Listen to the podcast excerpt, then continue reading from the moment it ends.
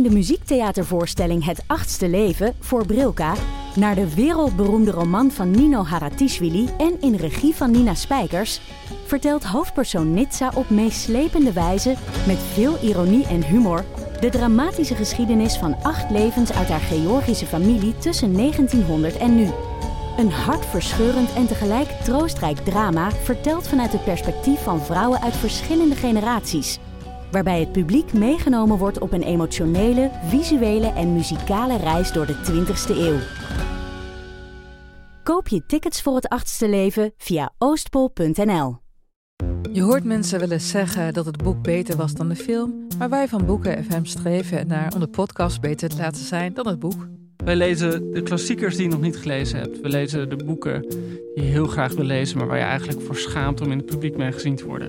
We lezen de Libris-winnaars. Uh, we praten over de Nobelprijslariaten. Allemaal zoals je een etentje hebt, dat je moeiteloos mee kan praten en dat het lijkt alsof je helemaal belezen bent. Wij zijn Ellen, Joost en Charlotte van Boeken FM en je kunt ons luisteren in je favoriete podcast-app. Dag prachtige poekies. Tenminste, ik neem aan dat jullie wel netjes gladgeschoren met egale huid en wilderige koep ingetuned zijn. Je luistert naar Damn Honey.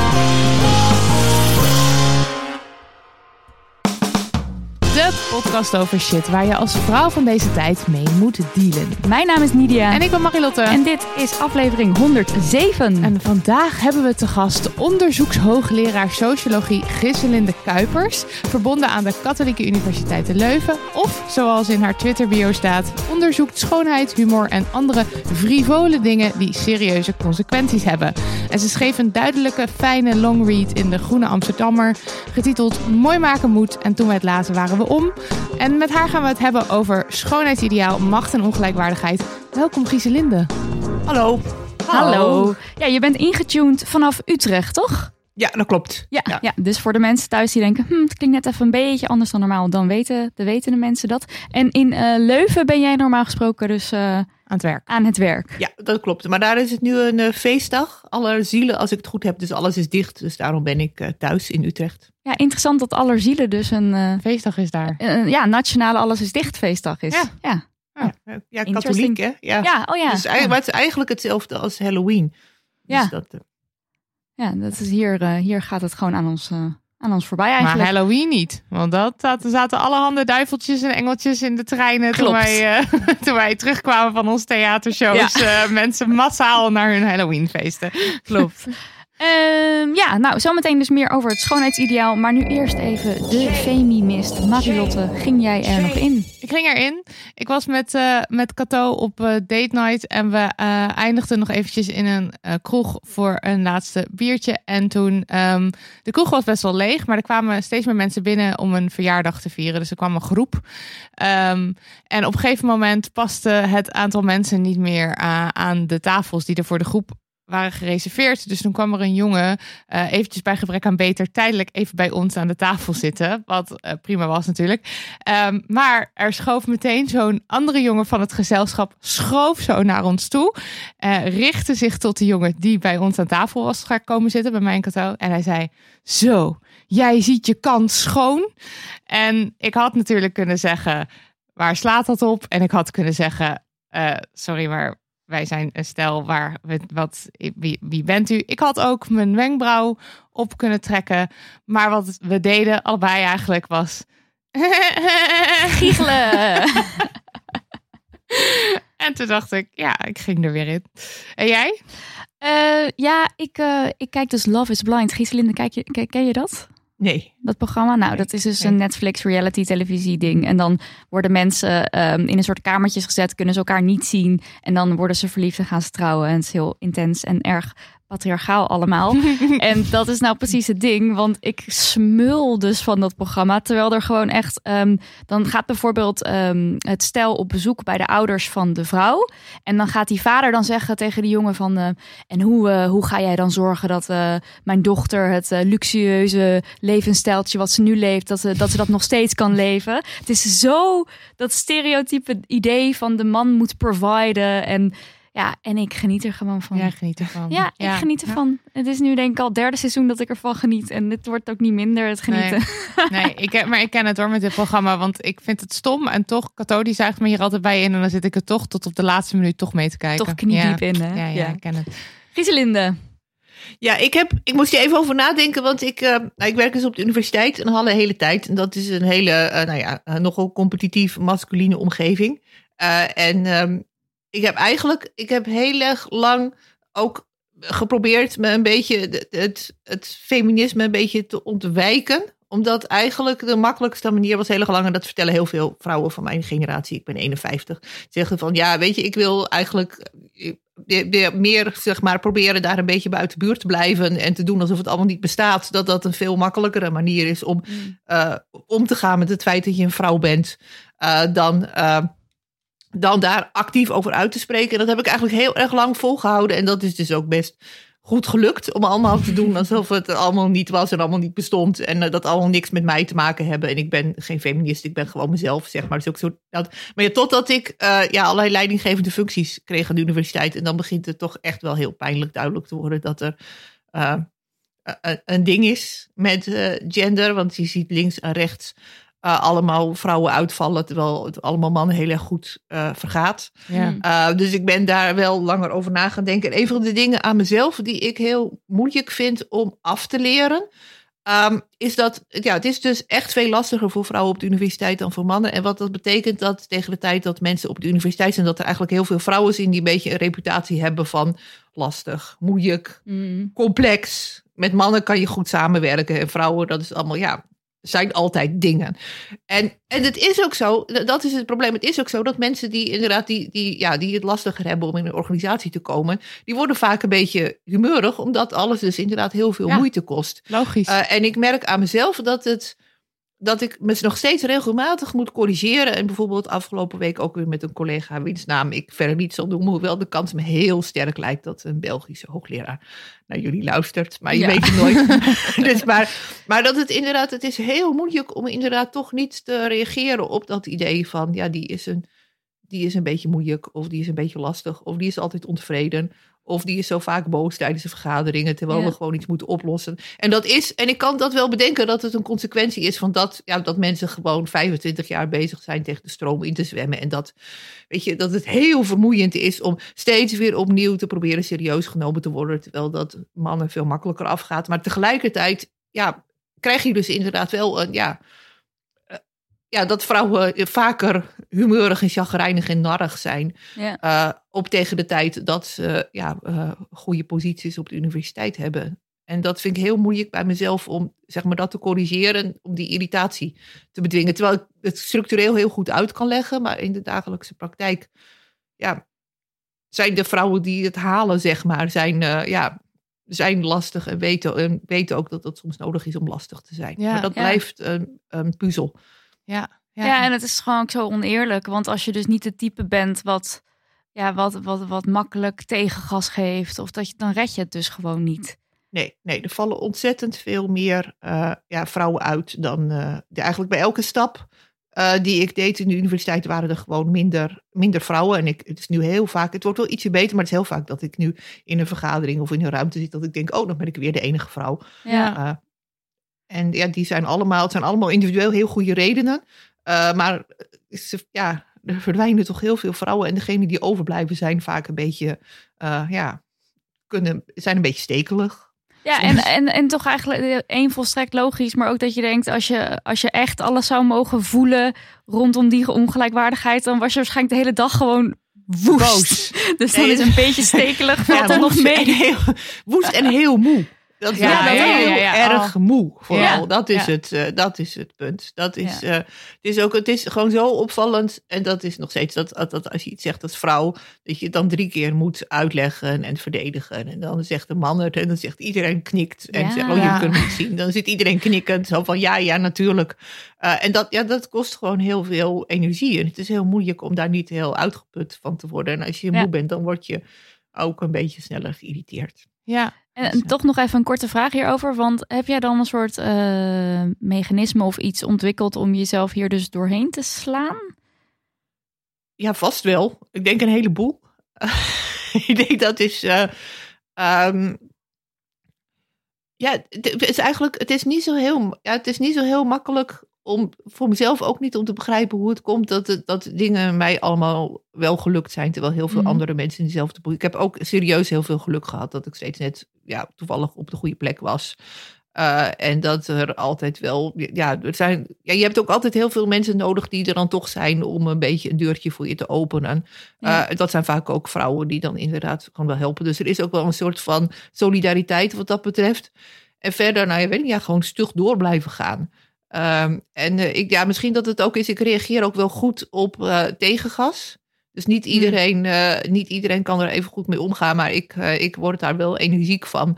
Eh, zodat als het niet lukt of als ik tegen word gewerkt, nou dan denk ik, nou, nou doen we het gewoon nog een keer en nog een keer. En dat is Ja. ook ja, ja, een beetje hoe je in elkaar zit. En dat is ook geluk, denk ik. Ja. Een beetje, ja. Tijd voor post. Post. Post. Tijd voor post. Post. Het poststuk gaat als volgt. Zo. Hoi hoi. Ik ben 27 jaar en ik ben bijna een jaar geleden moeder geworden. Dat heeft heel wat nieuwe situaties met zich meegenomen en daar is zeker een heel boek over te schrijven over shit waar je mee moet dealen als feministische ouder. De zaakjes, ik sta open voor een leuke collab. anyway, de grootste struggle waar ik tegenaan loop is, ook al wil ik dit echt super graag, de zorg voor ons kindje is niet 50-50 verdeeld. Meerdere pogingen om dit te doen hebben tot weinig resultaat geleid. Nu werk ik in de avonden als onze baby slaapt en woensdag en zaterdag de hele dag. Want mijn man heeft nadat ik wekenlang heb gesmeekt uiteindelijk de woensdag als standaard vrije dag opgenomen. Als we een dag allebei vrij zijn, ligt de managementfunctie overduidelijk bij mij. Hij kijkt eigenlijk amper om naar ons kindje omdat hij ervan uitgaat dat ik alles regel. Als ik hem iets vraag, gaat dat vaak gepaard met zuchten, oogrollen of klagen. En dit zijn echt vragen als: kan jij haar even op het potje zetten? Nou, lang verhaal kort. Ik voel mij een zeurende, boze vrouw, terwijl ik mezelf niet zo zie. Hierdoor voel ik me verdrietig. Ik hou ontzettend veel van mijn man en ben heel gelukkig om mama te zijn, maar dit werkt niet voor mij en erover praten leidt echt tot weinig. Als dit niet verandert, ben ik echt bang dat we moeten scheiden, want ik voel me niet mezelf zo boos en zeurend als hoe mijn man mij maakt. Does dit make sense? Ja, dat was het. Eh, hopelijk hebben jullie advies, liefs. Ja. Ja. Wat een, wat een, wat een situatie, hè? Ja. Het is ook zo, zo. Het eindigt ook gewoon zo best wel. Dit is niet een situatie die houdbaar is. Nee. Nee, hier moet iets gebeuren. Giselinde, had jij hier gedachten over? Jij, hebt zelf ook, eh, jij bent zelf ook moeder. Ja, ik heb eh, een zoon van eh, net acht. Het is, nou ja, ja, wat, wat ik tegen zo iemand zou zeggen. Nou, het eerste is, eh, ehm, het overkomt iedereen. Dus eh, ouderschap, dat zou misschien, en dat zou het eerste zijn, dat het misschien helpt om het, om te bedenken, ja, iedereen schrikt zich de pletter als ze ouder worden. En eh, iedereen denkt dat ze het van tevoren, ehm, dat ze het wel weten, dat ze het gepland hebben, dat ze het aanzien komen. En het is toch echt heel anders dan je, dan je dacht. En, en het is gewoon heel overweldigend en alles verandert in je relatie. Ehm, dus ik kan me voorstellen dat je er heel tobberig van wordt. Maar ja, ik zou ook zeggen, geef het een, be- een beetje tijd. Eh, maar praktisch, dus, en ja, we weten natuurlijk ook dat in bijna alle relaties, ook heel veel onderzoek over, ook, ook sociologisch, in alle relaties verandert heel erg veel op het moment dat, eh, dat, eh, dat er kinderen komen. En ik had ook een promovenda, dus die, iemand die een proefschrift erover heeft geschreven en die heeft onderzoek gedaan bij, bij stellen die aan het begin van de relatie eh, zeg maar onge- allemaal ongeveer evenveel verdienden en, en ongeveer in dezelfde positie waren. En die hadden allemaal hele grote plannen. En die is eh, een jaar later en twee jaar later teruggegaan om met ze te bespreken. En er was echt vaak helemaal niets van overgebleven. Uh, dus uh, het is niet, het helpt denk ik bij zulke soort dingen om te bedenken dat het niet aan jou ligt en ook niet aan je man, maar dat het gewoon een soort van algemeen patroon is. Um, dat gezegd hebben, ja, het klinkt wel alsof er nu wat moet gebeuren. Hier, Ja. ik Ja. weet niet wie dit is, maar er moet wel nu wat gebeuren. Um, ja, een van de dingen die mij heel erg geholpen hebben is, uh, maar ik heb natuurlijk werk waarvoor ik veel op reis. Dus op een gegeven moment moet je gewoon, als je gewoon een paar dagen weggaat en zegt van ik moet uh, nu helemaal weg. En uh, dan moet die man wel. Ja, ja, ja. ja. En dat is dus gewoon zeggen, ja sorry, ik ben een weekendje, uh, ik naar, naar, naar de sauna, naar een congres. En dat is ook, want er is, het is ook, je ontwikkelt ook een patroon hè, waar je bij je de hele tijd voor elkaar aan het overnemen bent. En het is voor heel veel vrouwen heel moeilijk om dat management over die kinderen uit, uh, ja, uit handen te geven. En op een gegeven moment zit je daar ook in vast en ben jij de hele tijd zegt van ga jij nou even luier verschonen en dan kan ik even x ding x doen voor mezelf. Uh, dus ik zou zeggen een, een, een, paar dagen weg en dan kijken wat er gebeurt als die man uh, dat kind alleen heeft en misschien gaat het dan wel heel goed en vindt hij het wel heel leuk. Ja, en, uh, en, in ieder geval wordt, wordt, die dan, wordt dan duidelijk wat die managementfuncties ja, waar zij het over heeft, wat het zijn. Ja. ja. Dus dan begrijpt hij het. Dus ik zou dat in ieder geval, en het ligt er, ja, dus dat zou ik in ieder geval aanraden. Dus zorg dat je een paar dagen weg en dan laat die man maar eventjes kijken wat er gebeurt als hij in zijn eentje met dat uh, kind zit. Ja. Uh, en verder zorg voor een goede oppas. Mm -hmm. Dat is ook heel belangrijk. Dat we gewoon dat je allebei dat kind dan uit handen kan geven. En iets anders gaan doen, dat helpt ook heel erg. Ja. Maar het is, uh, ja, zorgen dat je geen routines op, dat is zorg dat je geen routines opbouwt waar je twintig jaar later nog aan vastzit. Dat jij de enige bent die, uh, die luiers kan verschonen. Dat jij de enige weet hoe, de, hoe weet je, die naar de school, naar de ouder gaat. Of de enige weet die, die bent die je weet hoe alle crashen heten. Of die, nou ja. Ja.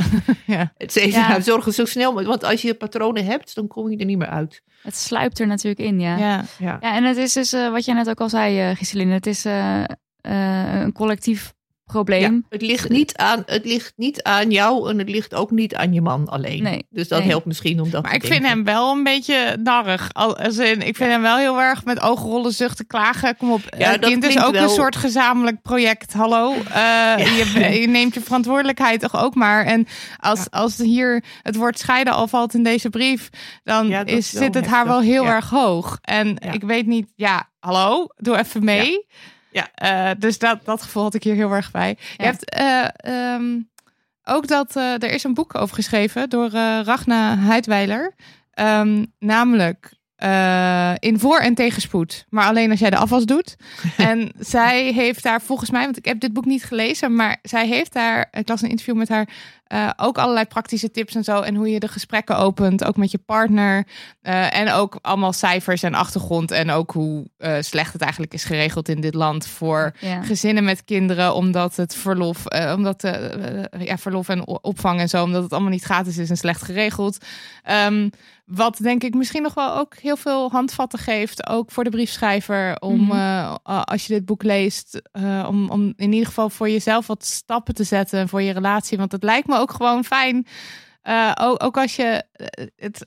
Je relatie gaat er ook alleen maar op vooruit natuurlijk. En eh, de, de band van je man met je kind wordt ook beter als die wel zijn verantwoordelijkheid neemt. Ja.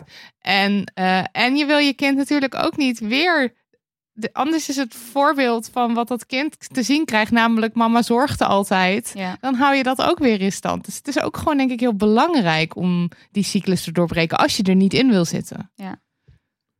Ja, anders zet je het weer door. Het is dus ook even de cijfers. 60% van de stellen in Nederland die zou werk en zorg het liefst gelijk verdelen. Ja. Mag voor mij wel nog iets hoger, maar goed, toch 60%.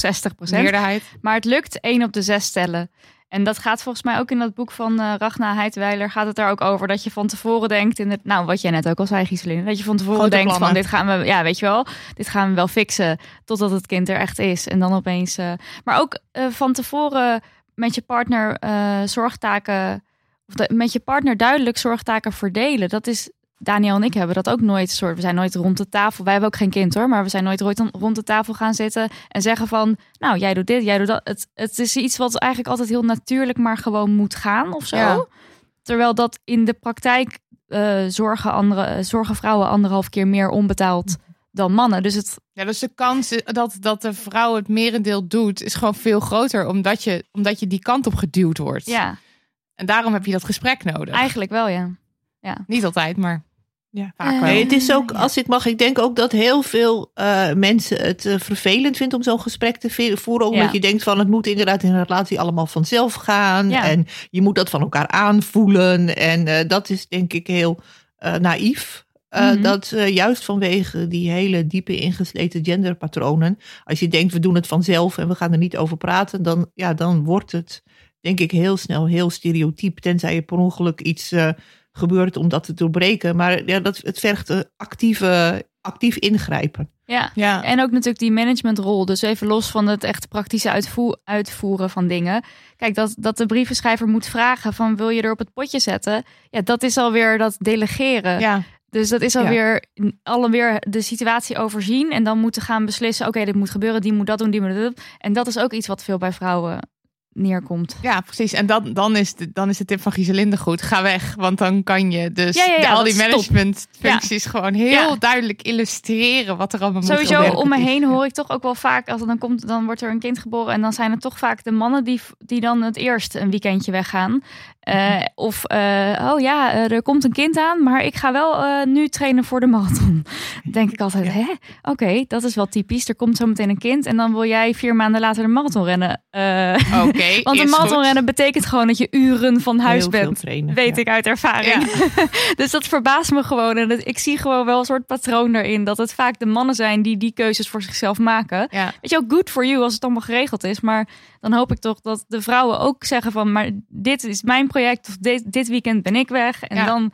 En, Ja. dat, dat, en dat er dus gepraat kan worden en dat er gecommuniceerd wordt. Dat, ja, dat praat is gewoon heel belangrijk. En eh, mensen hebben gewoon een heel romantisch beeld van een kind krijgen, een relatie hebben, hoe dat dan allemaal Ja. werkt. En het gaat gewoon niet vanzelf. Nee. Nee. Even aandacht voor onze sponsor, de film Close. We mochten weer in je thuisbioscoop niet. Wat een genot. Ik kreeg thee, ik kreeg een roze koek en we keken close. Ja, de nieuwe film van regietalent Lucas Dont en tevens de Belgische Oscar-inzending van dit jaar.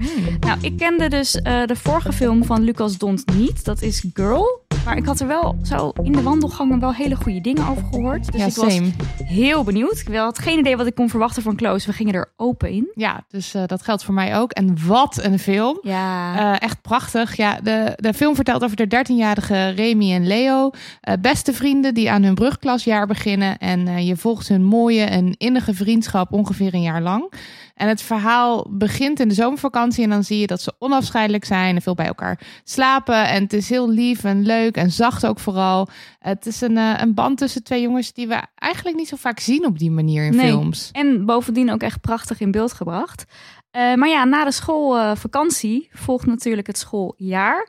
Met het daarbij behorende schoolplein en al die andere kinderen. Ja, dat plein, dat was echt een soort. Nee, dat is natuurlijk ook een soort gladiator Slagveld. slagveld, eh, waar je dan maar wordt neergezet als kind en dan moet je maar zien te overleven. Dus dat is echt de toxic masculinity, stoer doen, erbij willen horen. Dat. Ja, ja, en dat heeft dus invloed op de vriendschap van Leo en Remy. En daar word je als kijker in meegenomen. Ja, en het is zo levensecht. Want die, die dynamieken die je ziet tussen de personages en, en hoe ze met elkaar praten en waarover. En dan heb ik het niet alleen over de hoofdrolspelers, maar ook gewoon over al die bijpersonages. Het is echt. Ja, jij dacht de hele tijd van ze hebben gewoon.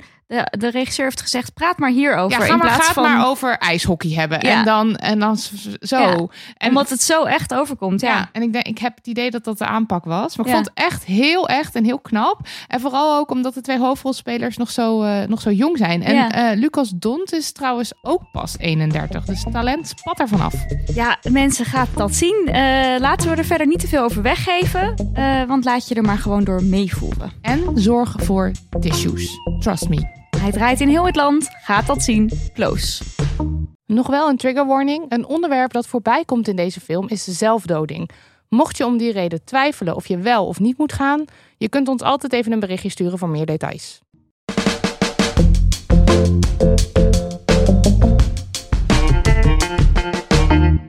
We moeten het even hebben over dat eeuwige schoonheidsideaal dat ons het leven zuur maakt. Zuur. En dan vooral hoe het schoonheidsideaal samenhangt met macht en ongelijkwaardigheid. Want ja, zeker, mooi zijn is niet gewoon mooi zijn. Maar schoonheid staat symbool voor iets groters. En de rol van uiterlijk wordt steeds groter en belangrijk. En daar duiken we eh, in met jou, Gieselinde. Ehm, dus de eerste vraag, als we het hebben over het schoonheidsideaal, waar hebben we het dan eigenlijk over? Ja, nou, heel veel mensen denken, als het over het schoonheidsideaal hebben ze een soort van beeld van dat iedereen dan er een beetje hetzelfde uit moet zien. Dus dan gaan mensen een soort van, weet je, blond, lang, dun, et cetera. Maar dat is eigenlijk, als je erover nadenkt, is dat dus niet het schoonheidsideaal. Het schoonheidsideaal is, denk ik, eerder omdat er zijn gewoon heel veel verschillende manieren om mooi te zijn. En dat weten we ook, daar zijn we het niet allemaal over eens. Uh, er zijn verschillende soorten van schoonheid die we najagen dat was de, de jonge kat die net, ik weet niet of jullie dat horen. klonk als een. Heel Ja. is heel voorbij gezellig. sprinten. Dat doet hij misschien nog wel een keer. Oké, okay. het schoonheidsideaal dus. Nou, het, uh, uh, maar het is wat er eigenlijk nu in onze samenleving of de cultuur zo is, is dat het heel belangrijk is dat je er goed uitziet en dat je daarmee bezig bent. En het schoonheidsideaal betekent dus, nou, je moet er goed uitzien, je moet uh, aan bepaalde soort van dingen wel voldoen. Dus het is bijvoorbeeld wel heel belangrijk om niet te dik te zijn, want dat geldt als heel erg. Het is, als je echt mooi wil zijn, eigenlijk ook ja, dat is moeilijker als je ouder bent. Dus ook dat. Maar afgezien van die soort van brede, uh, brede randvoorwaarden, is denk ik het schoonheidsideaal nu meer zoiets van je moet er inderdaad mooi zijn binnen een bepaalde norm, maar ook op een manier die past bij jou en bij je sociale omgeving. En dat is eigenlijk, dat klinkt eigenlijk liever of aardiger dan iedereen moet dezelfde soort van lange, blonde, hoogbenige. Maar eigenlijk in heel veel opzichten is dat uh, eerder moeilijker.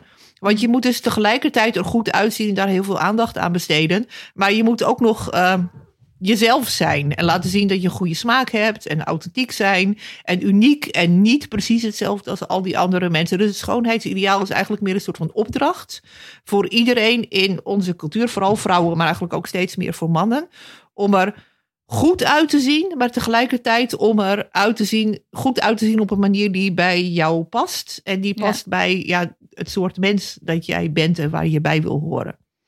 En, en zeg maar, uh, ik, ik snap wel dat je een soort plaatjes de hele tijd op je afgevuurd krijgt uh, in de media, in tijdschriften.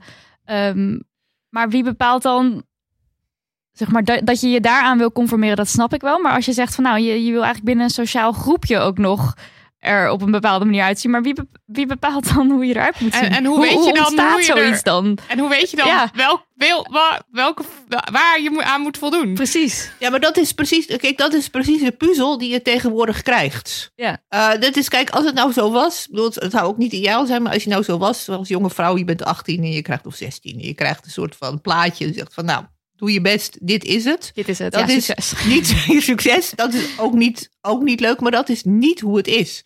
In plaats daarvan krijg je, denk ik, allemaal krijg je een soort van diffuse opdracht van je moet uh, mooi zijn en er zo goed mogelijk uitzien. Uh, maar je moet ook zelf uitzoeken wat dat dan precies is voor jou op een manier dat je past. En dat is dus een kwestie van, nou ja, ja, daarom kost het ook zoveel tijd. Dat is dus eigenlijk ook een soort van opdracht die je moet vervullen. Dus je moet eigenlijk uitvinden van hoe moet ik dat doen? Hoe moet ik dat leren? Uh, weet je, wat voor soort van spullen? Uh, wat voor soort van dingen? Wat voor soort van stijl? Wat voor soort van uitstraling? En dat leer je door, ja, door, eigenlijk door de feedback die je krijgt van je omgeving. Dus zeker, ja. dat is ook waarom, ja, vooral uh, jonge vrouwen dan, maar ik denk eigenlijk vrouwen in hun hele leven en mannen ook steeds meer, dat je krijgt de hele tijd ook een soort van reactie op hoe je eruit ziet. En ja. dat weet je ook. En dat is vaak heel subtiel, maar dat voel je wel. En in die permanente interactie, waarbij je dus de hele tijd signalen krijgt van dit is goed, dit is slecht, dit is mooi, dit is lelijk, dit is beter, dit is een sterke punt, dit is een zwakke punt. Uh, als je er zo uitziet, dan val je in de smaak bij die. Dus dat is een hele, eigenlijk een leerproces. Ja. Uh, waarbij je dus heel veel signalen krijgt, niet alleen uit de media, maar ook vanuit je sociale omgeving. Dat je leert om ja, op een bepaalde manier er goed uit te zien. En dat ja. het uitkomst van dat proces is dus niet alleen dat je, ja, dat je daar heel veel aandacht en energie en geld in besteedt, maar dat je dus ook een soort van jouw eigen vorm ontwikkelt. Die dan, want je, ja, de opdracht in onze samenleving is dus ook, ja, je moet, ja, je moet jezelf worden. En dat is een hele, hele zware taak. En dat jezelf worden, dat gaat dus ook om hoe je, hoe je dat doet in je uiterlijk en hoe je dat laat zien. Ja. Klinkt alweer doodvermoeiend. Ja. Ja. Dat is het ook. Ja. En, en je zei net van, uh, nou, uh, vrouwen en meisjes, uh, daar geldt het voor, voor mannen ook steeds meer. hoe zie je dat terug? Nou ja, je ziet bijvoorbeeld dat, dat mannen uh, ja, steeds meer aandacht aan hun uiterlijk gaan besteden. Dat er steeds meer ja, producten zijn. Dat ze steeds meer geld besteden aan hun uiterlijk. Steeds meer um, tijd ook. En je ziet het gewoon aan het verschil tussen jongere en oudere mannen. Inderdaad, in hoe, ja, hoe duidelijk hoeveel, hoeveel kennis ze ook hebben over wat je kan doen. Met hoe je er goed uit kan zien. Uh, dus het is ook, het is, nogmaals, het is een leerproces. Hè? Je leert het dus ook in, je, in de loop van je leven. Leer je dat, je ja, dat je bepaalde dingen moet doen. En dat je daarmee bezig moet zijn. En er is al een heel groot verschil tussen de jonge mannen van nu en de jonge mannen van, uh, ja, toen ik uh, tiener was in de jaren tachtig. Mm. Uh, en als je terugkijkt, zie je dat eigenlijk steeds meer. Dat schoonheid werd of bezig zijn met je uiterlijk werd heel erg geassocieerd met vrouwen. En dat is eigenlijk ja, toch wel, en dat is bij heel veel mensen nog zo. Bijvoorbeeld in het onderzoek dat we deden, als we aan veel mensen, vooral ouderen, vroegen, om, ja, dan moesten ze plaatjes beoordelen van mannen en vrouwen en uh, lichamen en gezichten. En er zijn heel veel mensen die het ongemakkelijk vinden of moeilijk om uh, het uiterlijk van mannen te beoordelen. Dus die echt dat ja, niet geleerd hebben. Dus iedereen vindt het super makkelijk om naar vrouwen te kijken. En die gaan meteen sorteren van deze is mooi, deze is lelijk. Hmm. En ook geen enkel, geen blad voor de mond. En bij mannen verschilt dat heel erg. Uh, maar eigenlijk in grote lijnen, hoe jonger mensen zijn, hoe makkelijker is het vinden om naar een man een lichaam en gezicht te kijken en te zeggen van deze is mooi, deze is niet mooi. Dus hoe, hoe meer ze daarvan weten en hoe soepeler het gaat om naar ja, ja, gewoon ook mannelijke knapheid en mannelijke uiterlijk. Echt ook een beetje zo punt voor punt. Weet je, zo die heeft, die heeft goede wenkbrauwen en die heeft verkeerd haar en die heeft hier te veel spieren. En die heeft dus ook dat hele gedetailleerde. Wat betekent dat mensen ook geleerd hebben op zo'n manier uh, naar uiterlijk te kijken. Ja, en dat neemt heel snel toe.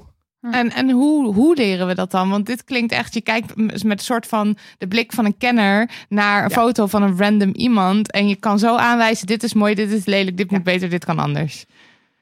Nou, op heel, veel, op heel veel manieren. Kijk, het eerste waar heel veel mensen naar verwijzen is denk ik de media. Dus Ja. de mediacultuur of de hele visuele cultuur. En dat is natuurlijk ook een heel groot verschil met als je bedenkt 200 jaar geleden. Eh, ja, waren, ja, was de fotografie was net uitgevonden. Mensen hadden bijvoorbeeld bijna nooit geen beelden van zichzelf gezien. Heel veel mensen hadden geen spiegel. Ehm, mensen zagen maar heel zelden afbeeldingen van andere mensen. En nu le- leven we in een samenleving waar, ja, je ziet echt makkelijk honderden afbeeldingen van eh, mensen op een dag. Eh, vaak mensen die zijn geselecteerd om knap te zijn. Foto's of afbeelden die zijn bewerkt om zo mooi mogelijk te zijn. Dus daar leer je gewoon van dat uiterlijk belangrijk is.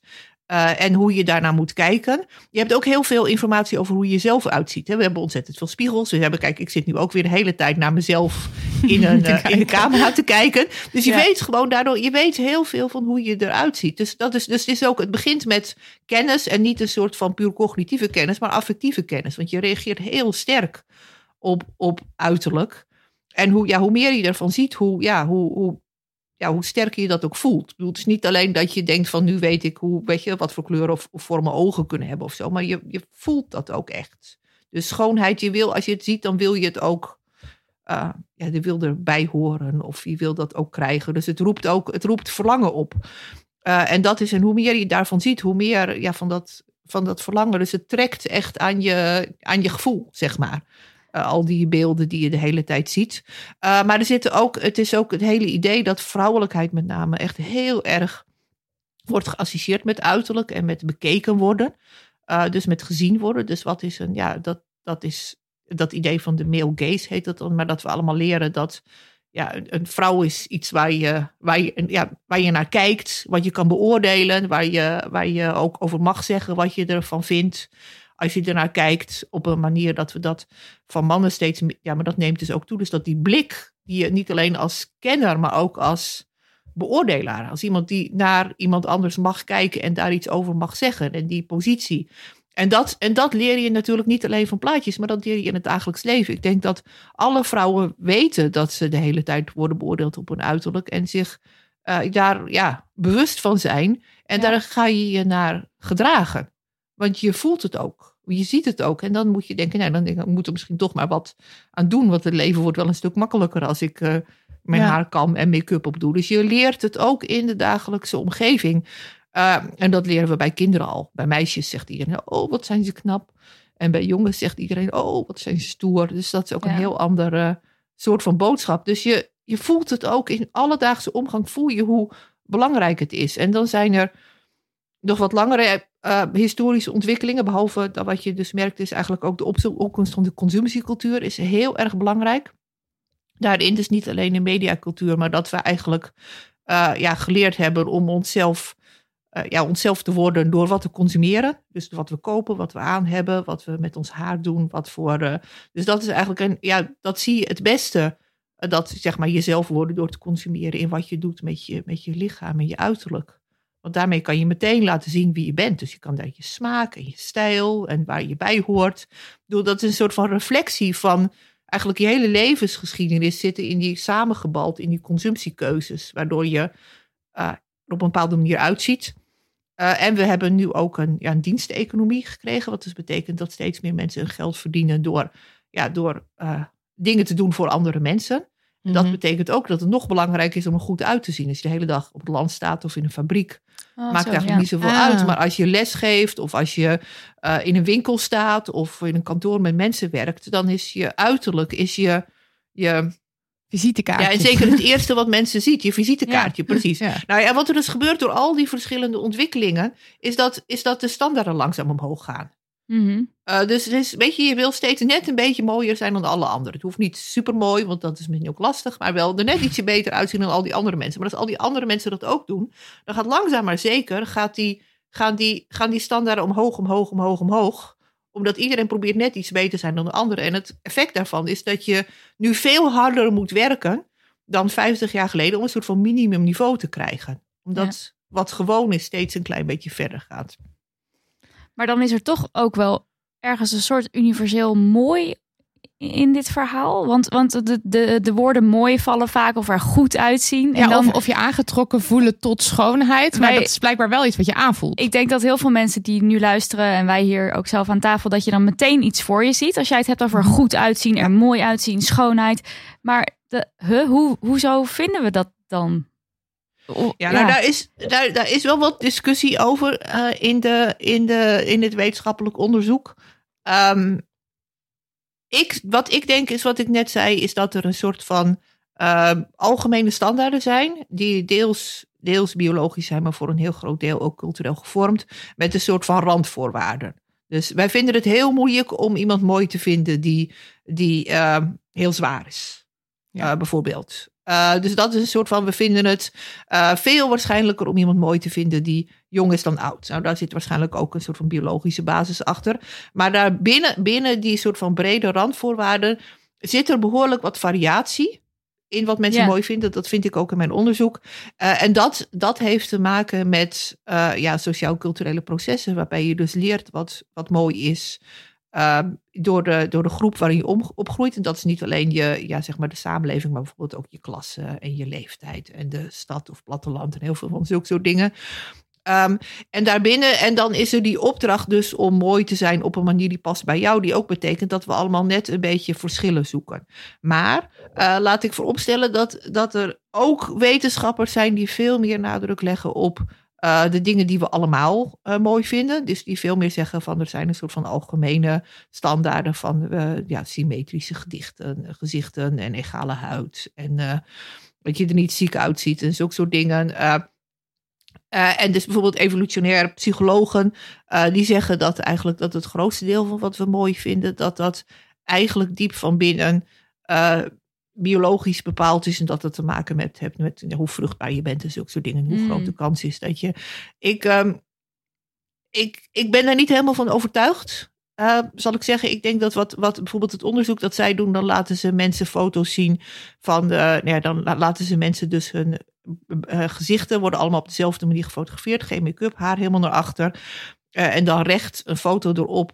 Eh, en dan krijg je dus inderdaad dat mensen het eh, veel meer met elkaar eens zijn, maar ja, dan heb je dus heel veel belangrijke signalen weggelaten. Ja, Die ja. we dus heel erg belangrijk vinden. Dus het ligt ook een beetje aan van hoe algemeen je wil. Als je wil zeggen, we vinden mensen mooier die 20 zijn dan mensen die 50 zijn. En we houden meer van mensen die, eh, eh, ja, die, die er een beetje glad uitzien. Dan kan je zeggen, ja, daar zijn we het allemaal over eens. Maar in de praktijk, in de dagelijkse praktijk, zijn de verschillen eigenlijk heel groot en heel betekenisvol. Mm. Ook in de Oh. manier waarop mensen op reageren, waarop op anderen reageren. En zoiets als eh, dat, dat iedereen, zeg maar, want, want wij, wij roepen dat wel vaak, dat we dan zo zagrijnig ervan worden dat, we dat we met z'n allen maar onze okselhaar moeten scheren. Mhm. Of, of nou, in ieder geval glad geschoren door het leven moeten gaan. Ja. Dat eh, valt dat ook onder die brede voorwaarden. Dat is aan verandering onderhevig waarschijnlijk. Ja, nee, dat, dat empirisch gezien is dat aan verandering onderhevig. Hoewel het dus wel zo is dat er wel, wel eh, aanwijzingen zijn dat bijvoorbeeld het scheren van beenhaar, voor mannen en voor vrouwen trouwens, eh, dat dat in heel veel samenlevingen ook heel vroeger al gebeurde. En een van, de, een van de redenen die je daarvoor kan geven is dat er toch dat er wel een behoorlijke voorkeur is voor dingen die lijken op eh, ja, er heel jong uitzien. Ja. Ja, dus, eh, ja, dus, eh, ja, Ja. Maar, dat is dan, maar dat is dan ook dan een beetje meteen een beetje, een beetje creepy, zal mijn zoon zeggen. Want dat is inderdaad, dan doen we dus eigenlijk inderdaad, dan doen we eigenlijk allemaal alsof we het liefst er allemaal uit willen, ja, of we allemaal vallen op mensen die eruit zien alsof ze twaalf zijn. Ja. Ehm, maar ja, dat is wel. Maar er, zit, er zijn dus wel patronen die eh, in heel veel culturen samenkomt, tegelijk voorkomt. Maar bijvoorbeeld okselhaar eh, minder. Ook ja, kijk, er waren natuurlijk in het grootste deel van de menselijke geschiedenis zagen mensen elkaars oksels helemaal niet. Nooit. Oh ja. Oh ja. dus dan Dat maakt ook wel. ja, Dus dat maakt het maakt ook niet niet zoveel uit. Ja. Ja. Oké. En ehm, als je dus kijkt naar, naar ehm, het schoonheidsideaal door de jaren heen. Je zei net al van, nou, t- 200 jaar geleden zagen mensen elkaar veel minder. eh, En zichzelf. eh, in plaatjes, ze zagen zichzelf minder. Maar was er dan wel ook een schoonheidsideaal? Of Ja, nou, speelde eigenlijk- schoonheid toen echt geen rol? Jawel, maar het is ik, wat ik. ehm, eh, wat er gebeurde is eigenlijk. Schoonheid, is, schoonheid speelde wel een rol, maar. eh, eh, historici suggereren dat het eigenlijk veel specifieker is. Dus eigenlijk het, het schoonheidsregime dat er was tot zeg maar 150 jaar geleden, zou je kunnen zeggen was, was aristocratisch. In de zin dat de, de mensen die echt de, de mogelijkheid hadden om, ja, om heel veel tijd te besteden aan hun uiterlijk. Of echt hun smaak heel erg te cultiveren. Dus heel goed te leren om te kijken naar de schoonheid. Dat was eigenlijk een behoorlijk kleine groep van mensen die, die heel rijk waren. Hmm. Eh, en daar waren dus plekken, en dat was dus voor mannen en voor vrouwen. Als je bijvoorbeeld van die plaatjes ziet van het Franse Hof, dan zie je ook dat Ja. die Franse koning, die adelen, dat die allemaal die mannen met die pruiken en zo. Dus, maar dat was een heel kleine, klein deel van de bevolking, eh, die heel rijk waren en heel welvarend en ja, ook heel veel personeel hadden en tijd om zich met zulke soort dingen bezig te houden. En daar werd dus wel heel erg gewerkt aan het ontwikkelen van zo'n smaak en het ontwikkelen van schoonheid. En het echt ontwikkelen van schoonheid was heel erg iets voor jongere vrouwen. Dus het hoorde heel erg bij een samenleving waar mensen heel erg bezig waren om, ja, om eh, eh, vrouwen, hun dochters meestal, of hun nichtjes te koppelen aan allerlei andere mannen. En daar was het dus heel erg belangrijk voor. Eh, maar er is natuurlijk ook heel veel veranderd in de samenleving. Dus dat, ja, het is in zekere zin is het ook een democratiseringsproces. Dat wij nu allemaal de mogelijkheid hebben om zoveel na te denken over schoonheid. Is een proces waarbij iets wat ja, vroeger echt was voor een kleine groep mensen die het zich kon permitteren om daar heel erg mee bezig zijn, te zijn, is dat nu iets geworden waar iedereen aan deel kan nemen. Dus het is, ja, we, we, spreken er vaak over alsof het een soort van, ook een soort van onderdrukking is. Maar het is ook een soort van, ja, iets wat vroeger maar heel weinig mensen konden doen. Dat we nu inderdaad allemaal de mogelijkheid hebben om daarmee bezig te zijn, daarover na te denken, daarover te leren, al die kennis erover te verzamelen, daar heel veel tijd aan te besteden, is ook een soort van verspreiding van iets waar de meeste mensen ja, geen tijd en geen geld voor hadden. Eh, dat we nu allemaal kunnen doen. En een van de voorbeelden die ik vaak geef, dat we ons helemaal niet realiseren, is dat 100 jaar geleden, of misschien net iets meer, hadden de meeste mensen maar twee of drie eh, sets kleren. Mhm. Dus eh, als je bijvoorbeeld naar van die modemusea, dan wat je dan ziet zijn al die mooie eh getailleerde jurken en zo. Maar dat was echt maar voor een heel klein deel van de bevolking. De meeste mensen hadden twee of drie sets kleren en soms verpanden ze die kleren ook nog door de week. Dus het was gewoon helemaal geen, ja, was, mensen hadden niet het kapitaal in de brede zin, niet het financieel kapitaal, niet het cultureel kapitaal om daar zo mee bezig te zijn. Mm. En dat was mooi zijn voor gewone mensen. Ze vonden het wel belangrijk, maar ja, ze hadden, konden het gewoon niet echt ontwikkelen. Ja. En het hoorde dan bijvoorbeeld bij feesten. eh, of, bij, eh, of bij trouwerijen. Of bij dat mensen zich dan één keer mooi aankleden. En dan vooral bij jonge mensen. Eh, en dat het dus. Ja, een soort van in de jaren twintig eigenlijk was er een soort van doorbraak. Dat ineens bijvoorbeeld ook dat jongens en meisjes zelf mochten beslissen met wie ze trouwden. Eh, en dat maakt het natuurlijk veel belangrijker eh, hoe je eruit ziet. Dat het, ineens Ja. dat het niet je ouders zijn, maar dat je ineens zelf zeg maar, die, ja, die wereld in moet om iemand te vinden eh, met wie je ja, je kan verloven of verkering kan krijgen. Dus er zijn heel veel dingen gebeurd in de, in de 20e eeuw, waardoor het ineens voor veel meer mensen relevant en ook mogelijk was om na te denken over uiterlijk. En zou je dan zeggen, is het wel of niet erg dat schoonheid nu zo'n grote rol inneemt en ook steeds groter lijkt te worden? Ehm, Ja, het is, het is, het is moeilijk om daarover te zeggen. Ja, het is, is heel het erg. heeft, voor, het heeft erg. voordelen en nadelen. Ja, Ja. Het is, eh, ja zoals alle, al zulke soort sociale ontwikkelingen. Eh, het is, kijk, kijk, schoonheid is natuurlijk ook een mooi iets in Ja. heel veel opzichten. Het is iets waar je van kan genieten. Het is iets waar je kan werken. Het is ook een, een vorm van eh, plezier.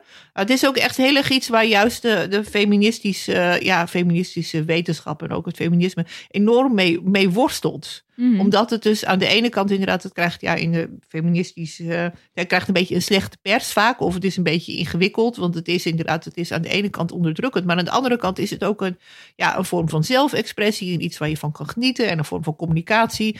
Ehm, dus het is goed en slecht. Dus het is een beetje een kwestie van, van maat houden, zou je ook bijna zeggen. Van op het moment dat het echt ja, destructief wordt, of dat de eisen onrealistisch zijn, of dat het steeds verder gaat, dan moet je er op een of andere manier een stop op zetten. Maar het is ja, een wereld waar, waar mensen tijd hebben om en ruimte om na te denken over schoonheid. Lijkt me per saldo beter dan een wereld waar mensen eh, het te druk hebben met in een fabriek werken om daar überhaupt over na te denken. Ja. Ja. Ik, ik- maar ik denk wel, want wij praten natuurlijk vaak over het schoonheidsideaal. En ik denk wel, ehm, eh, nou, ik vertel wel eens over mijn, eh, over mijn eetproblematiek. Dat ik vroeger gewoon zo graag dun wilde zijn. Dat het gewoon een beetje uit de hand liep met mijn Beetje. relatie. Tikkeltje uit de hand liep met mijn relatie met eten. Ehm, en wat heel herkenbaar is voor veel mensen. En dan, dat, dat lijkt me gewoon niet goed. Nee. Dat je zo dat, dat je zo graag wil conformeren naar Ja. hoe wat in jouw ogen of wat in de ogen van de maatschappij mooi is, namelijk dun zijn. Eh, en dat ook de hele maatschappij soort van is ingericht op het vetshamen van Ja. mensen die dik zijn. Ja. Ja, ja. Nee, er zit een. Kijk, het is. bedoel, Ja, er zit een grens aan. Kijk, zeker inderdaad voor, voor eh, ja, jonge mensen, vooral vrouwen, hoewel het ook bij mannen steeds vaker voorkomt, is inderdaad dat die boodschap van je bent alleen maar iets waard als je mooi bent. En met mooi bedoelen we eh, zo dun dat de meeste mensen eh, dat alleen maar bereiken door hun gezondheid eh, verschrikkelijk veel geweld aan te doen. Ja, Mhm. dat, ja, dat is niet goed. Het punt, het punt is dat het schoon. Maar er zit, dus, zit dat systeem in van, van ehm, meer, meer, meer beter. Ja. En Ja. wat er eigenlijk, en dat is eigenlijk wat het, wat het eigenlijk elk ideaal dat we hebben, en dat zegt ook wel iets over onze samenleving. Elk ideaal dat we hebben, wordt ook meteen een competitief ideaal. Ja, ja, Eh, ja. en, dan te- en dan zet je zo'n zo'n mechanisme in werking dat, dat dingen zichzelf versterken. Eh, en dat het, ja, dat het eigenlijk steeds voorbij het punt gaat dat mensen het echt aankunnen. En dat, ja, dat, is, dat gesto- moet gestopt worden. Maar dat is Ja. eigenlijk, ik zou zeggen, dat, dat zie je nu heel goed in schoonheid terug. Maar je ziet dat ook op heel veel andere plekken. En, het, en dat systeem van steeds meer, steeds beter. Dat heet een red race. Hè. Een red race, dat wordt vaak eh, gebruikt eh, voor een soort van hard werken. Maar red race is eigenlijk een mechanisme waarbij. eh, ja, waar- waarbij eigenlijk iedereen, al die, dit beeld is al die ratten, dat al die ratten eigenlijk steeds harder moeten lopen voor precies hetzelfde stukje kaas. Ja. Dus het punt is, iedereen werkt veel harder, maar niemand heeft er baat bij, eh, omdat alle anderen ook veel harder werken. Ja. En dat Ja. is eigenlijk heel erg wat er gebeurt. Dus als iedereen, weet je, als, als het nu iedereen wel lukt om, eh, om allemaal, weet ik veel, eh 50 kilo te wegen bij, bij 1,80. En er zijn natuurlijk sommige mensen die dat gewoon per ongeluk hebben. Ja, maar als iedereen dat wil, dan, ja, dan, ja, dan, gaan er een heleboel mensen, gewoon hun gezondheid gaat eraan. Ja. Dus eigenlijk het punt is dat het eigenlijk wat, waar het probleem in zit, is dat zelfversterkende mechanisme. En dat wordt heel erg gedreven door ja, de manier waarop onze cult- cultuur in elkaar zit. ja. Eh, en dat is, en eigenlijk daar, daar, moet, je, daar moet je wel iets. Ja, da- da- ja, ik weet niet zo goed. Daar moeten we iets aan doen, zeg ik dan. Ja. Maar, maar ik weet ook niet zo goed hoe. Maar dat is echt, dat is heel destructief. Ja, en, en wat je zegt inderdaad, dat, dat je zeg, zeg maar zoveel waarde toekent aan schoonheid en aan het schoonheidsideaal, dat je een soort van, dat er dat de rest het niet, er niet meer toe doet of zo. Dat, ja. het, dat, dat, dat je dat helemaal zo voorop zet en dat we dat maatschappelijk, maar ook individueel kunnen doen Ja. of doen. Ja, dat en, is dat wel- is, en dat kan je, dat moet je. Het punt is dat we eigenlijk mensen daar individueel verantwoordelijk voor maken. Hè? En dat is met het schoonheidsideaal in zekere zin nog gemeener dan bij heel veel andere dingen. Omdat de, de groep die daar dus het meest direct door wordt getroffen zijn, zijn ja, hele jonge vrouwen. Dus het is eigenlijk in zekere zin maken we, maken we een ja, toch behoorlijk kwetsbare groep maken we tot het soort van de, ja, het, het symbool van dat schoonheidsideaal. En ook het, ja, de plek waar de meeste druk op wordt gezet. Ja. En eh, in je stuk voor De Groene schreef je ook over het uitdijend schoonheidsregime. Wat Ja. bedoel je daarmee? Nou, dat is wat ik net zei, dat het dus inderdaad steeds meer, eh, dat voor steeds meer mensen in steeds meer domeinen van het leven belangrijk is om er goed uit te zien. En wat goed dan is, is niet helemaal duidelijk, maar dat het dus niet alleen voor eh, jonge mensen, niet alleen voor jonge vrouwen, maar dat het ook door je hele leven heen, dat bedoel ik met uitdijen, dus dat het ook Mhm. als je ouder wordt, je kan niet, ook niet meer rustig als je 50 bent, oud en uitgezakt worden, van dan is het wel klaar, maar je moet door. Ehm, Je moet door. Precies. Ja, maar op dezelfde manier is het ook voor steeds meer dingen. Het is voor je werk is het heel belangrijk om er goed uit te zien. Het is voor. Dus, dus er zijn steeds meer plekken waar het ertoe doet. Ja. Eh, en dat, is, dat bedoel ik met uitdijen. Dus het schoonheidsregime is eigenlijk een soort van, ja, een soort van maatschappelijk systeem dat suggereert dat het heel erg belangrijk is om er goed uit te zien. Dus een regime. Dus dat is groter dan, groter dan individuele mensen. Dat is juist gewoon hoe de cultuur en de samenleving in elkaar zit. Dat dat heel erg beloond wordt. Ja. En dat je daar ja, in zekere zin in mee moet. Dat je er niet aan kan onttrekken. En het duidt uit omdat het voor steeds meer mensen en steeds meer plekken geldt. En wat voor consequenties heeft dat dan? Want ehm, kijk, in zekere zin, er zijn dingen die je, die je, dat je mee kan gaan in het schoonheidsideaal. Maar er zijn ook dingen die zijn jou gewoon gegeven. Ja. Of dat is nou eenmaal hoe jij eh, op aarde bent gekomen. En dat betekent dat sommige mensen buiten de boot gaan vallen. Ja, het heeft dus ja, het, het- ja, het heeft heel veel consequenties voor sociale uitsluiting en sociale ongelijkheid. Ja. Eh, en dat is. ehm, dus ja, ongelijkheden nemen sowieso toe. En eh, als op het moment dat iets maatschappelijker eh, belangrijk wordt, wordt het eigenlijk vanzelf een arena voor sociale ongelijkheden en sociale uitsluiting. Dus het wordt ook voor identiteitsvorming, nou dat is maar ook voor sociale ongelijkheid. En dan zie je bijvoorbeeld dat mensen die inderdaad niet kunnen voldoen aan bepaalde schoonheidsidealen, dat die steeds, daar steeds meer nadeel van ondervinden. En we weten Ja. nu al dat mensen bijvoorbeeld eh, ja, er heel veel nadeel van hebben bij, eh, bij sollicitaties. Eh, en dat wordt steeds meer op het moment dat sollicitaties steeds meer gaan via allerlei soorten platformen waar je meteen iemands foto ziet. Hm. Eh, en ook in een flexibele arbeidsmarkt, waar je dus steeds opnieuw eigenlijk ja, moet worden geselecteerd. Ehm, en in mijn, in mijn leven is het bijvoorbeeld al gebeurd dat nu de meeste academische cv's, dus als je ergens solliciteert als, als eh, ja, AIO of promovendus of ook als hoogleraar, dan zit je foto er ook vaak bij. Nou, dat heeft er echt niks mee te maken. Maar je kan niet doen alsof je dat niet ziet. Eh, dus bij heel veel banen waar uiterlijk, waar je zou zeggen, nou wat maakt het nou uit als academicus, is die foto toch het eerste wat je ziet. Dus dat Mhm. betekent dat het effect heeft op selectieprocessen in domeinen waar het er niks mee te maken heeft. Eh, en dat geldt bijvoorbeeld ook, kijk, wat, wat er nu ook gebeurt, is dat mensen steeds meer hun partners vinden via allerlei apps. Waarbij ook het eerste wat je ziet een foto is. Dus dat Ja. is anders dan de sociale context die erbij zat. Wat ook betekent dat, ja, dat het steeds meer bij de, ja, bij- de bij selectieprocessen een van de eerste dingen is die gebeuren. Veel sterker dan ja, als je in een kroeg zat. Waar het toch al een soort van selectie is. Dan een soort van mensen eh, die toch een beetje bij jou horen. Dus er zit heel veel, op zoveel manieren zit er dus, ja, het zit in steeds meer selectieprocessen die heel belangrijk zijn voor je sociale kansen, zit het ingebakken. Mhm. En, het, eh, en er zijn natuurlijk allerlei eh, dingen die te maken hebben met uiterlijk waar je helemaal niet zoveel controle over hebt. En die heel Ja. ongelijk verdeeld zijn. En dat gaat dan deels over hoe je eh, geboren bent. Dus sommige mensen zijn gewoon, weet je wel, langer en blonder en bedenk maar wat dan andere mensen. Maar heel veel van die dingen zijn ook sociaal gevormd. Dus het hangt Hmm. ook samen met andere soorten ongelijkheden. Dus bijvoorbeeld, het is veel moeilijker eh, voor mensen met een, eh, ja, met, eh, uit een lagere sociaal-economische achtergrond of uit een lagere klasse. Die zijn, hebben vaak meer overgewicht. Ehm, en dat komt door heel veel verschillende factoren. Maar bijvoorbeeld als je minder geld hebt, heb je vaak minder goed eten. Je hebt minder geld voor ehm, goed doktersbezoek. Je hebt misschien minder tijd om geld, of geld om regelmatig naar de tandarts te gaan.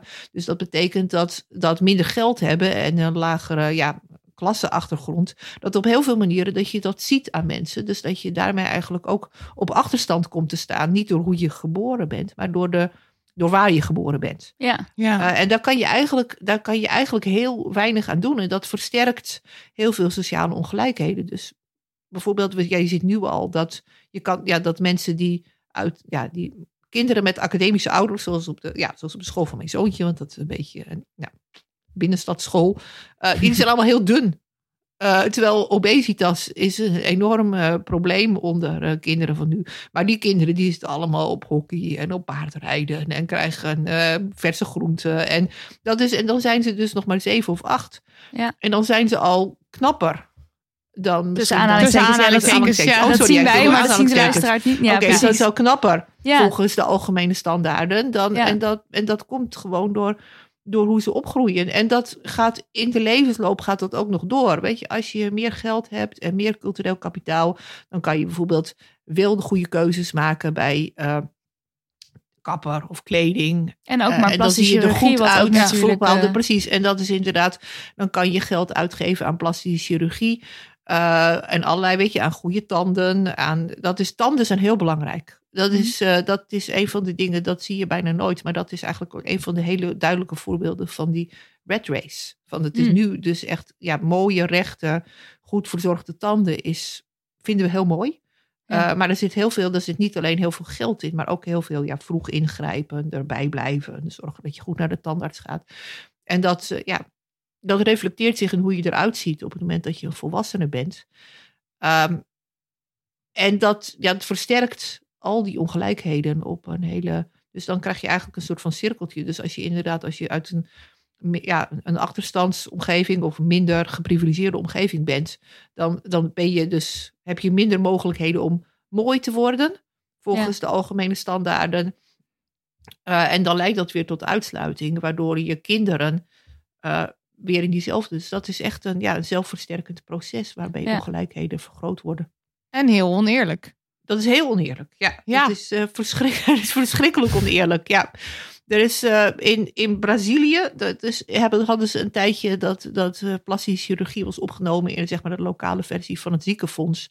Met het idee van, ja, iedereen heeft het recht om mooi te zijn. Dus dat Ja. moet voor iedereen binnen bereik zijn. Er is ook een econoom, eh, die, heeft, die heeft hier ook onderzoek naar gedaan. Die heeft voorgesteld om inderdaad mensen die eh, helemaal niet voldoen aan schoonheidsnormen, om die te- daarvoor te compenseren. Eh, ja, economen denken altijd dat je dat moet oplossen met geld. Geld. Weet ik ook niet Maar ja, zeker. Maar, nee, maar ik vind het ergens niet zo raar, want als ik je zo hoor praten, is, is zeg maar schoonheid. Ja, je noemt het in je stuk ook kapitaal, maar het is ook een soort. Het, is, Ja. het, heeft, het hangt heel erg vast aan geld. En toegang tot geld. En Ja. Dus Ja, en toch niet alleen, kijk, kapitaalgebruikers, even een beetje college, sociologen gebruiken kapitaal in, op verschillende manieren. Je hebt dus inderdaad, het gaat over toegang tot geld, maar je hebt ook iets dat heet cultureel kapitaal. Dus Ja. bepaalde vormen, vormen van kennis eh, of vaardigheden of competenties waar je verder mee komt. Dus bijvoorbeeld een opleiding, maar ook hoe je praat. Ehm, en cultureel kapitaal kan je ook heel goed gebruiken om, ja, om keuzes te maken over hoe je je uiterlijk eh, vormgeeft. Eh, want je kan, nou, dat kan je wel, je kan nog zoveel geld hebben. Eh, maar dan kan je het nog, zeg maar, en nu ga ik weer dus aanhalingstekens doen, dan kan je het dus nog fout doen. ja. En dat is Ja. denk ik ook waar mensen het over hebben bij plastische chirurgie. En dat je kan dan nog zoveel geld hebben om bijvoorbeeld ja, je gezicht helemaal eh, mooi te laten maken. Eh, maar de plastische chirurgie is bij uitstek een domein waar je kan zien dat sommige mensen het dan ja, gewoon net niet goed doen. Volgens de standaarden van regels, heel ja. veel andere mensen. Ja. Dus je kan nog, en dat is het gemene aan, aan, ja, aan sociale uitsluiting. Dus geld helpt niet altijd genoeg. Dus je kan nog net, zeg maar, voor de mensen die dan ja, eh, aan de knoppen draaien of dichtst bij de macht, kan je het nog net, ook hoeveel geld je ook hebt, kan je het nog net verkeerd doen. En dat kan je juist aan uiterlijk weer heel goed zien. Dus Ja. het verkeerde haar, net te geblondeerd, ehm, lippen net te opgespoten. Dus een soort van PC-hoofd. Eh, ideaal. Dat is, ik denk dat iedereen er wel iets voor voor. Dat, ja, dat zit heel veel geld in. En dan ben je toch nog steeds. Kan je meteen aan iemand zien dat, dat meestal zij, soms hij, toch er net niet bij hoort. En dan heb je nog steeds dat nadeel van uiterlijk. Maar waarschijnlijk dan binnen die sociale groep waar deze persoon in zit, is het dan Ja. Wel weer dus goed. wel weer hoe het, Ja, hoe het zou Nee, moeten is, horen. ja, ja. precies. Het kan op sommige plekken heeft het je voordeel, maar dat geeft, leidt dan toch net niet tot toegang tot bepaalde andere Andere plekken. groepen ja. waar bepaald kapitaal. Dus, dus het, het reproduceert zo allerlei sociale scheidslijnen, niet alleen tussen zeg maar hoog en laag, maar tussen, ook tussen verschillende eh, groepen. En dat betekent dat zoek, dat is dan bijvoorbeeld moeilijk om te zetten, zeggen we dan te converteren in het kapitaal waarmee je het op de universiteit goed doet. Ja. Ja. En nu hebben we het veel over eh, dus klassen. Mhm. En speelt eh, racisme ook een rol in deze vorm van eh, Ja. discriminatie en schoonheidsideaal? Kan je Ja, daar misschien iets erg. meer over vertellen? Ja, het is, dat is eigenlijk, ik, ik denk zoals heel veel Nederlanders was ik, was ik toen ik aan dit onderzoek begon een beetje naïef over ras. Eh, dus we lieten mensen plaatjes zien met, eh, met eh, ja, van mannen en vrouwen en lichamen en gezichten van ehm, mooi naar, en dan sorteren van mooi naar minder mooi. En daar moesten ze dan over vertellen. En dan zie je eigenlijk dat, dat ras daarbij een heel, een, een heel belangrijke rol speelt. In de zin dat mensen eigenlijk nadenken over bepaalde ja, raciale groepen als ja, bij elkaar horend. Dus mensen die zwart zijn, zijn allemaal, worden allemaal een beetje hetzelfde bekeken als eh, anders. En ook mensen met een Aziatisch eh, uiterlijk worden ook gezien als allemaal een beetje hetzelfde. En het interessante is dat in de, wat mensen erover zeggen, dan, ehm, dan hoor je het vaak niet. Dus mensen praten er eigenlijk niet over. Dus het komt eigenlijk in de gesprekken niet zo heel erg naar boven. Maar als je dan kijkt naar wat mensen doen met de plaatjes, dan zie je dat, het, ja, dat mensen heel erg, dat ras heel belangrijk is in het Mm. beoordelen. Ehm, dus het is iets waar mensen zich vaak mis- misschien maar deels van bewust zijn. Eh, en er ook niet graag over willen praten. Eh, maar het is ingewikkelder dan je denkt. Het is niet zo dat, eh, dat zeg maar, we witte mensen per definitie het allermooiste vinden. Maar het is wel zo dat mensen, mensen van verschillende rassen heel anders beoordelen. Waarbij vooral Aziaten er heel slecht afkomen.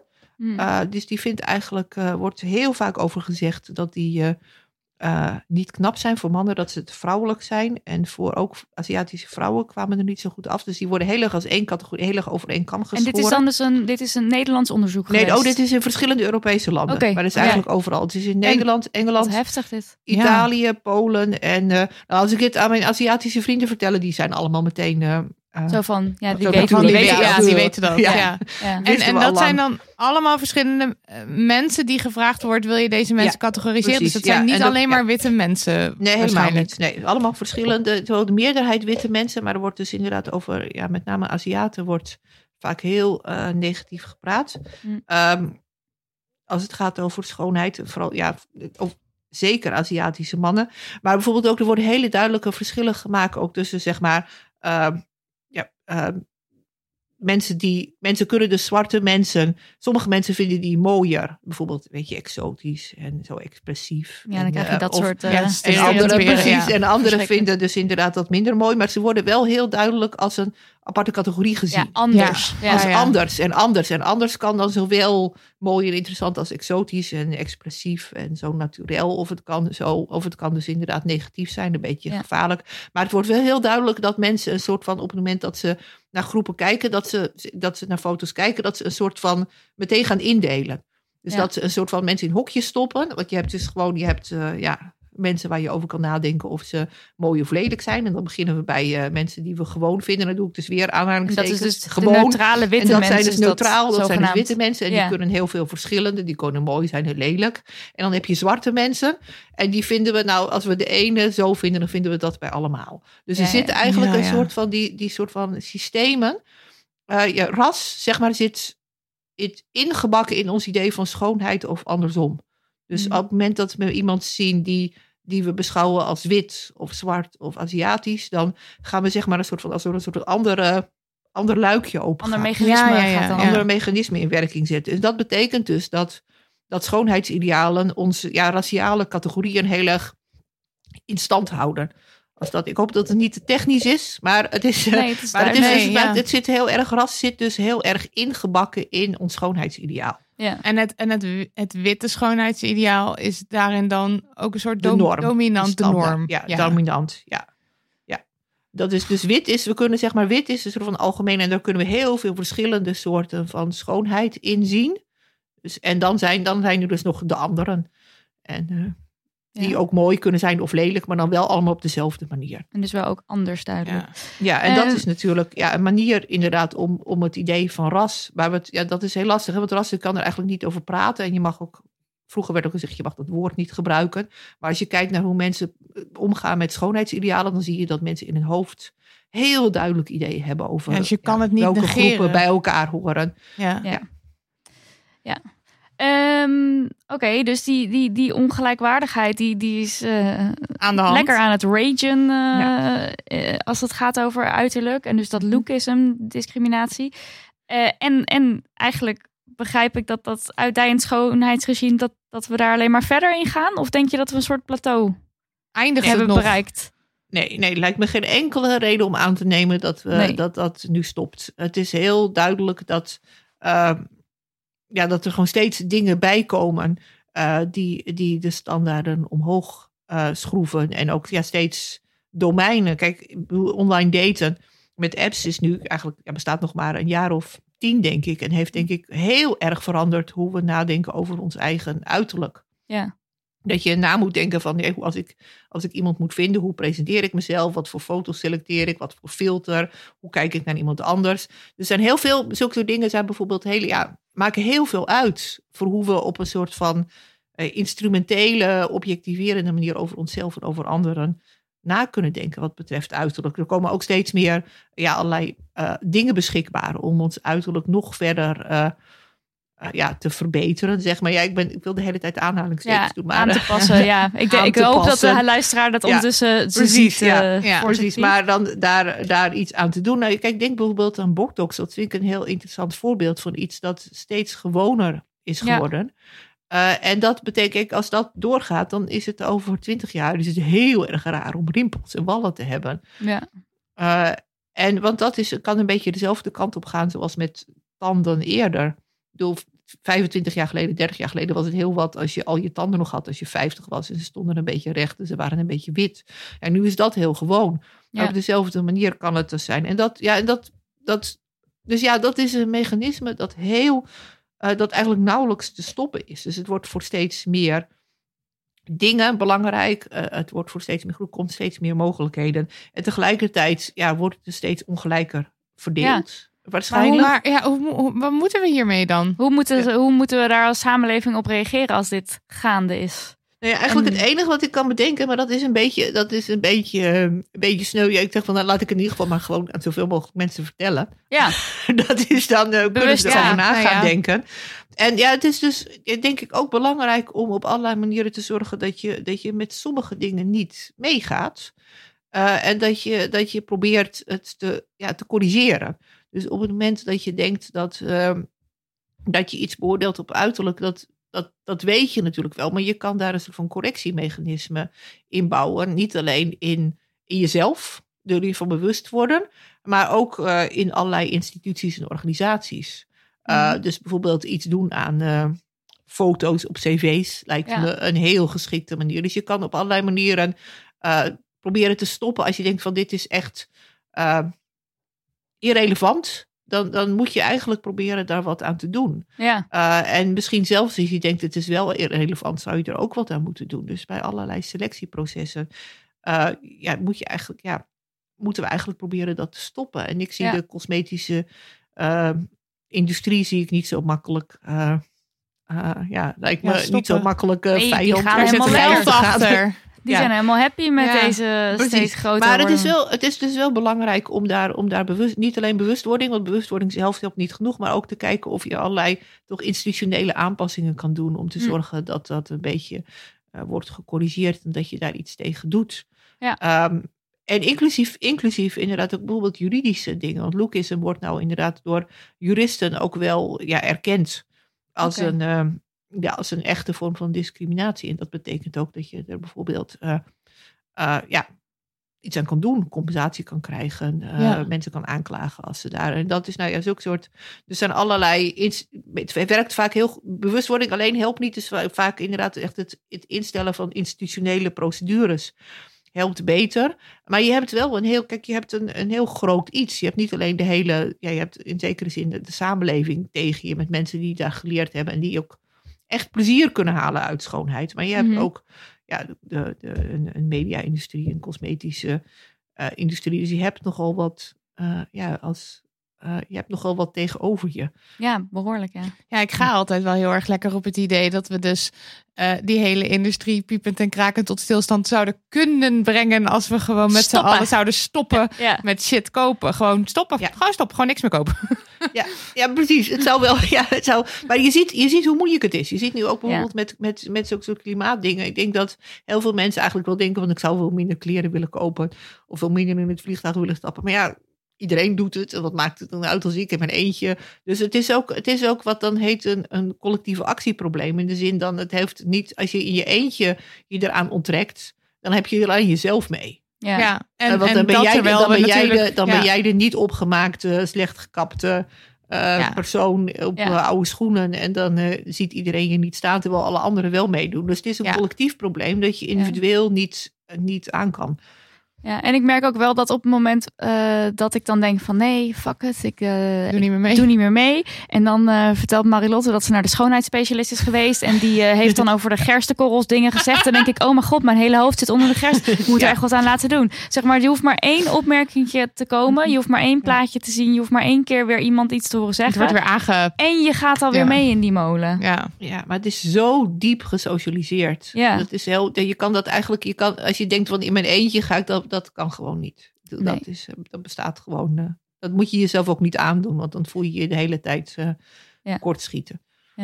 Ja, maar minder, je ook iets minder bezig zijn met het uiterlijk van anderen en de hele tijd anderen beoordelen, dat helpt Ja. ook. Of Dat in ieder geval eh, anderen beoordelen, whatever, maar eh, positief en niet op uiterlijk Nee, misschien. precies. Gewoon maar zeggen, eh, weet ik veel, iets anders dan uiterlijk. Kan Ja. ik niks bedenken. Mijn Ja, hoofd. ja, ja. Oké, nou Gieselinde, heel erg veel dank voor dit fijne gesprek. Dit was, veel eh, geleerd. ja, dit was ontzettend verhelderend. Dankjewel. Graag gedaan. Dit was dan aflevering 107. Eh, de show notes staan op demoney.nl slash aflevering streepje 107. Daar gaan we natuurlijk ook eh, het artikel van de- van De Groene zetten. Ook nog een TED-talk en weet ik veel wat we allemaal voor interessante dingen voor jou gelezen en gezien Alles. hebben. En daar is ook het transcript van deze aflevering te vinden. Een paar dagen na het verschijnen van de aflevering. Eh, thanks aan de Holy Four, Daniel van de Poppen Edits, Lucas de Gier, Jingles, Lisbeth Smit, website en Melissa van der Zanden, Honingballen Stagiair. En dank aan Amber Script voor het chiller maken van de transcripten. Dan ook nog veel dank aan de menselijke transcripters. Paulien, Juna, Yvonne, Imke, Melissa, Paula, Pieke, Guusje en Maaike. Stuur post naar info.damhoney.nl en geef geld via petjeaf.com slash damhoney. Ja, zodat wij weer naar de schoonheidsspecialist kunnen. Ja, en gerstekorreltjes en misschien eruit jou kunnen ook eventjes een beetje boter. Want ja, een beetje die rimpels. gewoon, dat gewoon- kan wel echt zo. Of die Of oogleden een beetje Of corrigeren. misschien gewoon mijn hele gezicht. Ja, doe maar. Kan of maar. niet. Of niet, zelf weten. Zelf weten. Dag. Dag.